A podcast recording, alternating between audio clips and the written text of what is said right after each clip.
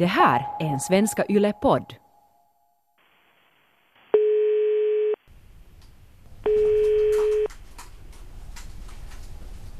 Hallå.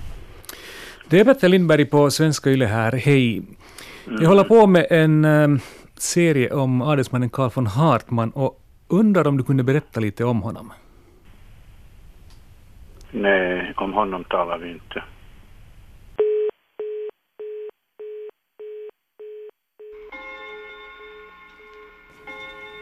I min dopattest från år 1897 står alla mina namn uppräknade. Karl Magnus Gunnar Emil von Hartman. Men för er är jag endast Goggi.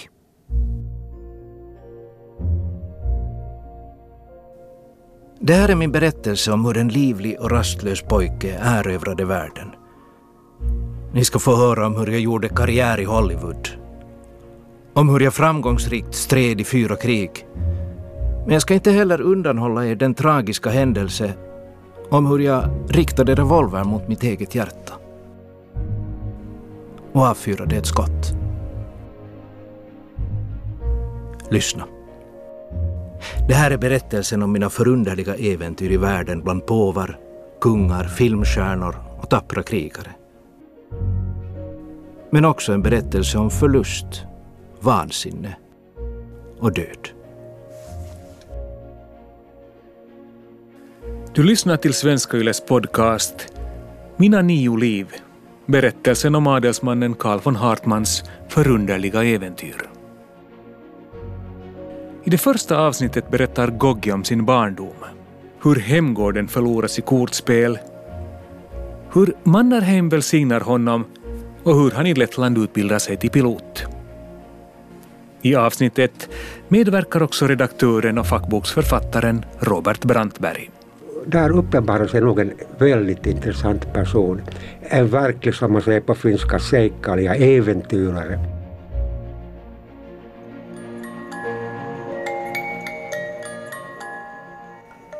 Allting har en början.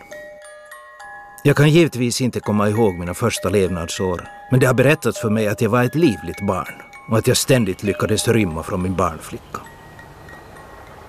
Däremot minns jag vagt att min far hade en bil. En av de allra första i Finland. Och att vi ibland företog oss små rundturer i Helsingfors eller åkte ända till Tuohilampi den gård i Vihtis som min far nyligen införskaffat. Somrarna var ändlösa och varma och inget kunde hota mina föräldrars lycka.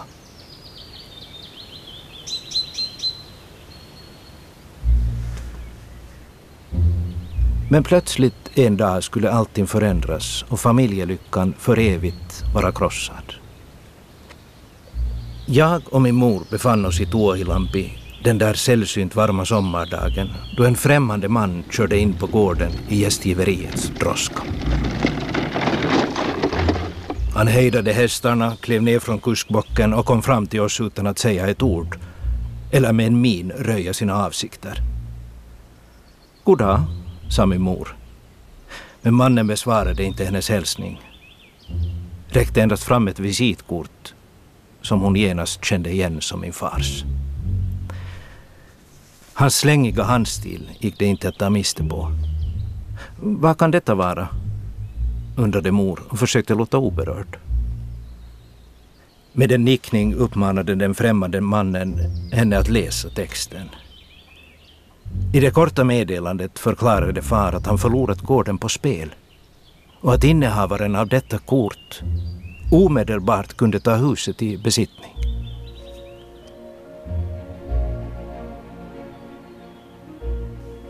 Min mor stirrade med bestörtning på den främmande mannen som ställde anspråk på vår förmögenhet. Hon behöll ändå sin fattning och kallade på tjänstefolket. När hon uppmanat alla att gå hem till sig låste hon dörrarna till gården, tog mig i handen och ledde mig till stallet där en droska ställts i ordning. Vi åkte omedelbart till stationen och vidare med tåg till Helsingfors. Min far försvann ur bilden och min mor till ett sanatorium i Sverige för att vila nerverna.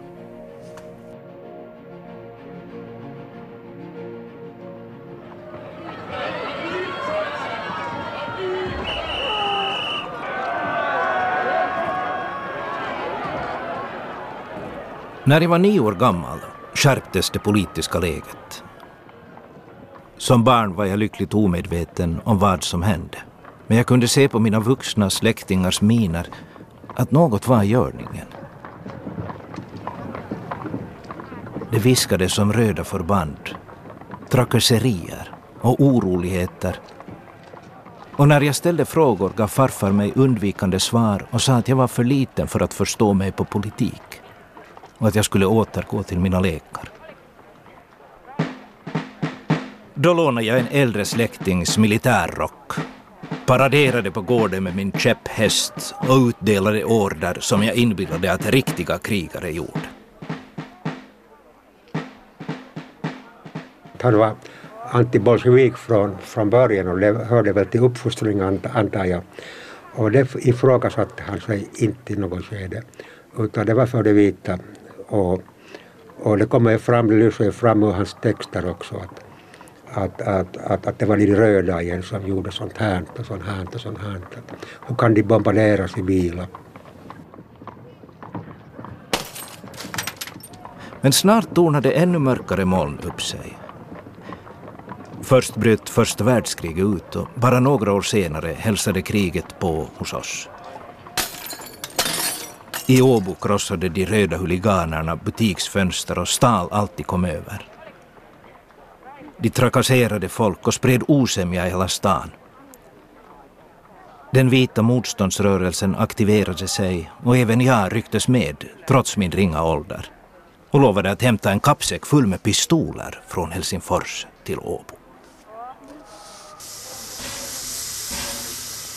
Överlåtelsen av vapen i Helsingfors skedde utan mankemang. Men när tåget rullade in på stationen i Åbo meddelade konduktören plötsligt att ryska soldater skulle undersöka pass och bagage. Nu var goda råd dyra. Jag övervägde olika alternativ men till slut ställde jag mig bakom en gammal dam och inväntade rätt ögonblick. När jag såg gendarmen komma knuffade jag till den gamla damen så hon föll i armarna på den intet ont anande ryska soldaten som precis skulle företa sin granskning. Kalabalik uppstod i kupén. Svordomar ekade på ryska och svenska. Men i den allmänna villarvallan lyckades jag fly med pistolerna inuti min kappsäck. Hotet var avvärkt. Men endast för stunden.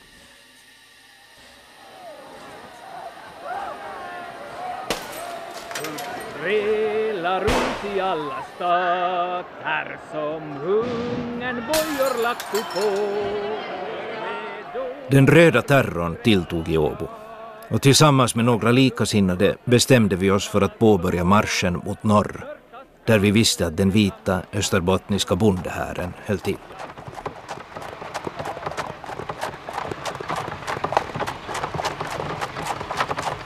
Vi skulle ansluta oss till det vita gardet och slåss med vapen mot den röda faran om det så behövdes. Sent på kvällen den 30 januari hämtade en hyrkusk mig och Lars Haglund. I sleden placerades proviant, kläder och vapen. Vi nådde Artukais gård utan missöde och fortsatte mot Lautakylä där ett hundratal skyddskårister redan väntade. Där anmälde vi oss för befälhavaren och fick veta att vi redan följande dag skulle fortsätta till Äetsa bruk där ryska soldater skådats.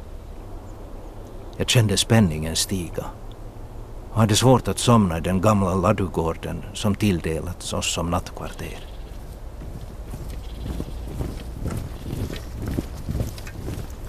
Följande eftermiddag bar det av. Vapnen var för få till antalet men vi utrustade oss med störar som i skymningen kunde förväxlas med gevärspipor. Listen gick hem och den ryska styrkan på 25 man drevs på flykten.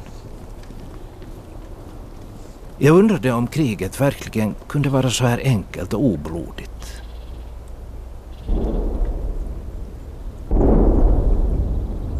Men bara en knapp vecka senare togs jag ur mina villfarelser när en rysk kolonn anföll oss. Nesligt måste vi retirera och plötsligt kändes det som om jag inte längre var värdig den vita bindel jag bar på min arm. Han skriver ju också om sådana nederlag då man ska, måste dra sig tillbaka och så bortåt. Men mycket kort. Så det ligger väl inte så mycket glamour i det att man måste dra sig tillbaka fem kilometer från fronten. Men att så ordnar sig allting igen. Och sen fick vi kanonaden att fungera och så åkte vi framåt igen sex kilometer. Det är märkligt hur fort man vänjer sig, hur striden, hungern och döden blir ens självklara följeslagare. Och fienden någon ansiktslös skugga som man ständigt försöker förinta. Krig är överlevnad och slit. Och den som accepterar detta har de största chanserna att överleva. Den unga spoling som lämnat Åbo i januari hade på några veckor blivit en vit krigare som med stolthet anlände till Vasa där skyddskoristerna synligt bar sina vita armbindlar.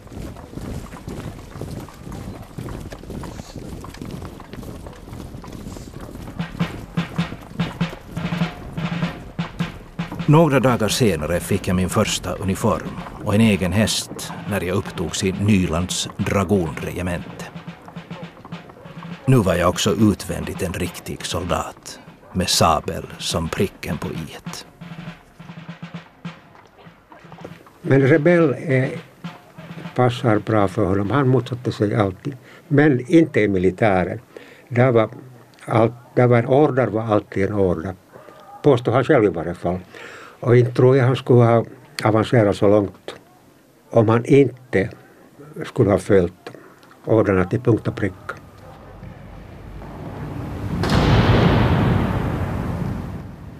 Före avresan till Jyväskylä infann sig en ordonnans från högkvarteret. General Mannerheim önskade omedelbart träffa dragon von Hartmann, sa han. Jag undrade vad överbefälhavaren ville mig. Men infann mig lydigt på högkvarteret. Är du Carolus von Hartmanns och Edith Armfeldts son? frågade Mannerheim och spände blicken i mig. Ja, herr general, svarade jag. Jag är säker på att du kommer att sköta dig väl, min pojke. Adjö och kläm efter ryssar och de röda, var hans slutord.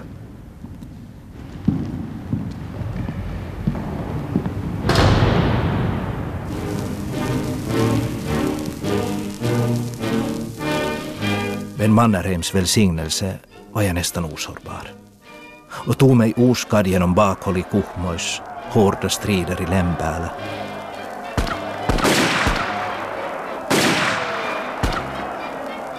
Och den avgörande kampen om Tammerfors som i april äntligen befriades från det kommunistiska järngreppet. Ja, det var ett, e-, ett äventyrligt liv och han klarade sig. Och det var kanske hans man kan inte säga fräckhet, men att han hade en sån drive på sig som gjorde att han i varje fall så ändå klarade sig. Han gav inte upp.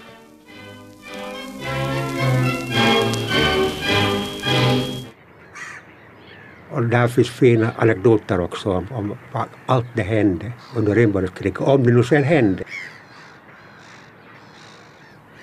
Jag måste medge att en del av det jag upplevt verkar osannolikt. Men jag svär på att det är sant. Lika sann som episoden jag kommer att berätta om nu.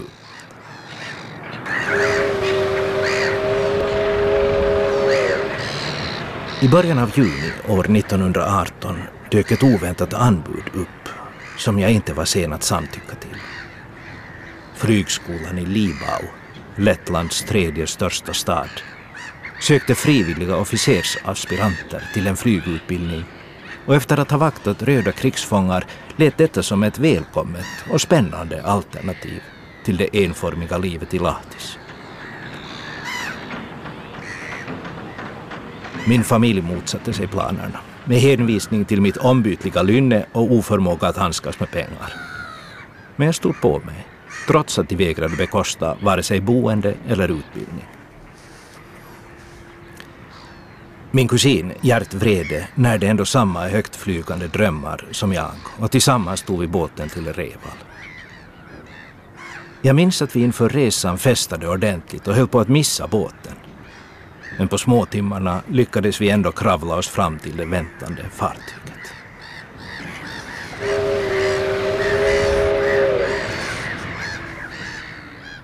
Sjöresan förlöpte väl och redan följande dag började undervisningen. Flygplanen i Libau sken i kapp med solen och lika strålande var oberlöjtnant Graf Beroldingen som i den intilliggande hangarbyggnaden instruerade oss i teori och praxis. Jag och Gert var flitiga, insöp all kunskap och efter två intensiva veckor ansågs vi klara för vår första flygning.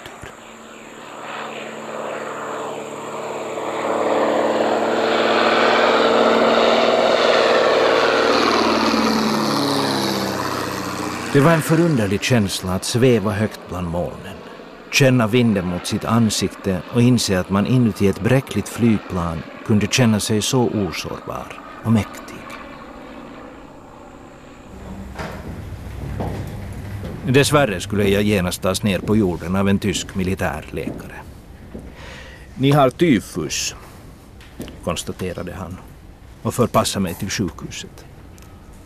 Efter två veckor i isolering var smittorisken över. Men jag fick fortfarande inte lämna sjukhusområdet.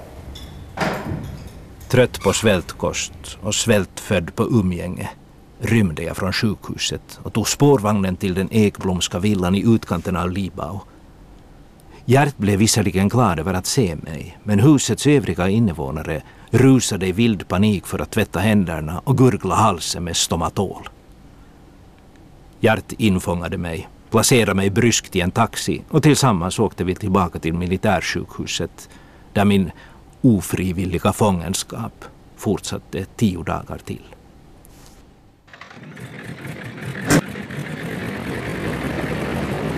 Tyfusen var ett oturligt avbräck i flygandet. Men en knapp månad senare återupptog jag studierna och fick för första gången sätta mig i ett Fokkerplan.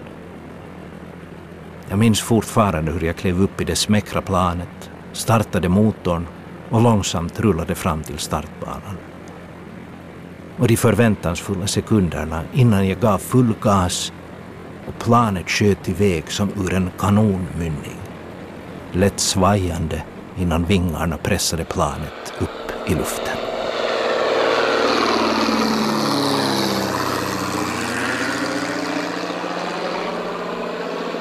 Under en rutinflygning som Gert hade lockat med mig på några veckor senare höll det på att gå riktigt illa. Gert flög i förväg för att inspektera ett misstänkt ryskt fartyg på Östersjön. Jag flög efter i min Fokker, men glömde att kolla bränslenivån. Inspektionen från ovan förlöpte väl, men när jag påbörjade inflygningen började motorn hosta betänkligt.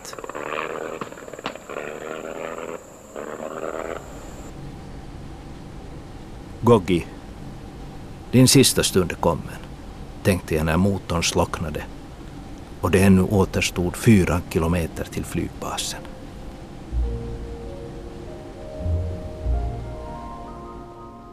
Hur ska det gå för flygpionjären Carl von Hartmann? Och har ödet annat i beredskap än en flygkrasch? Det är med sorg och fasa jag tänker på den dag då jag riktade en pistol mot mitt hjärta och avfyrade ett skott.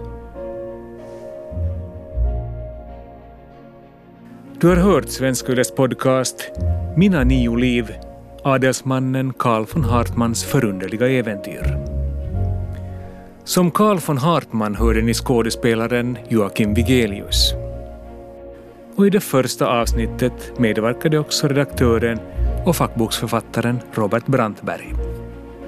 För ljuddesignen stod Jyrki Häyrinen och mitt namn är Petter Lindberg.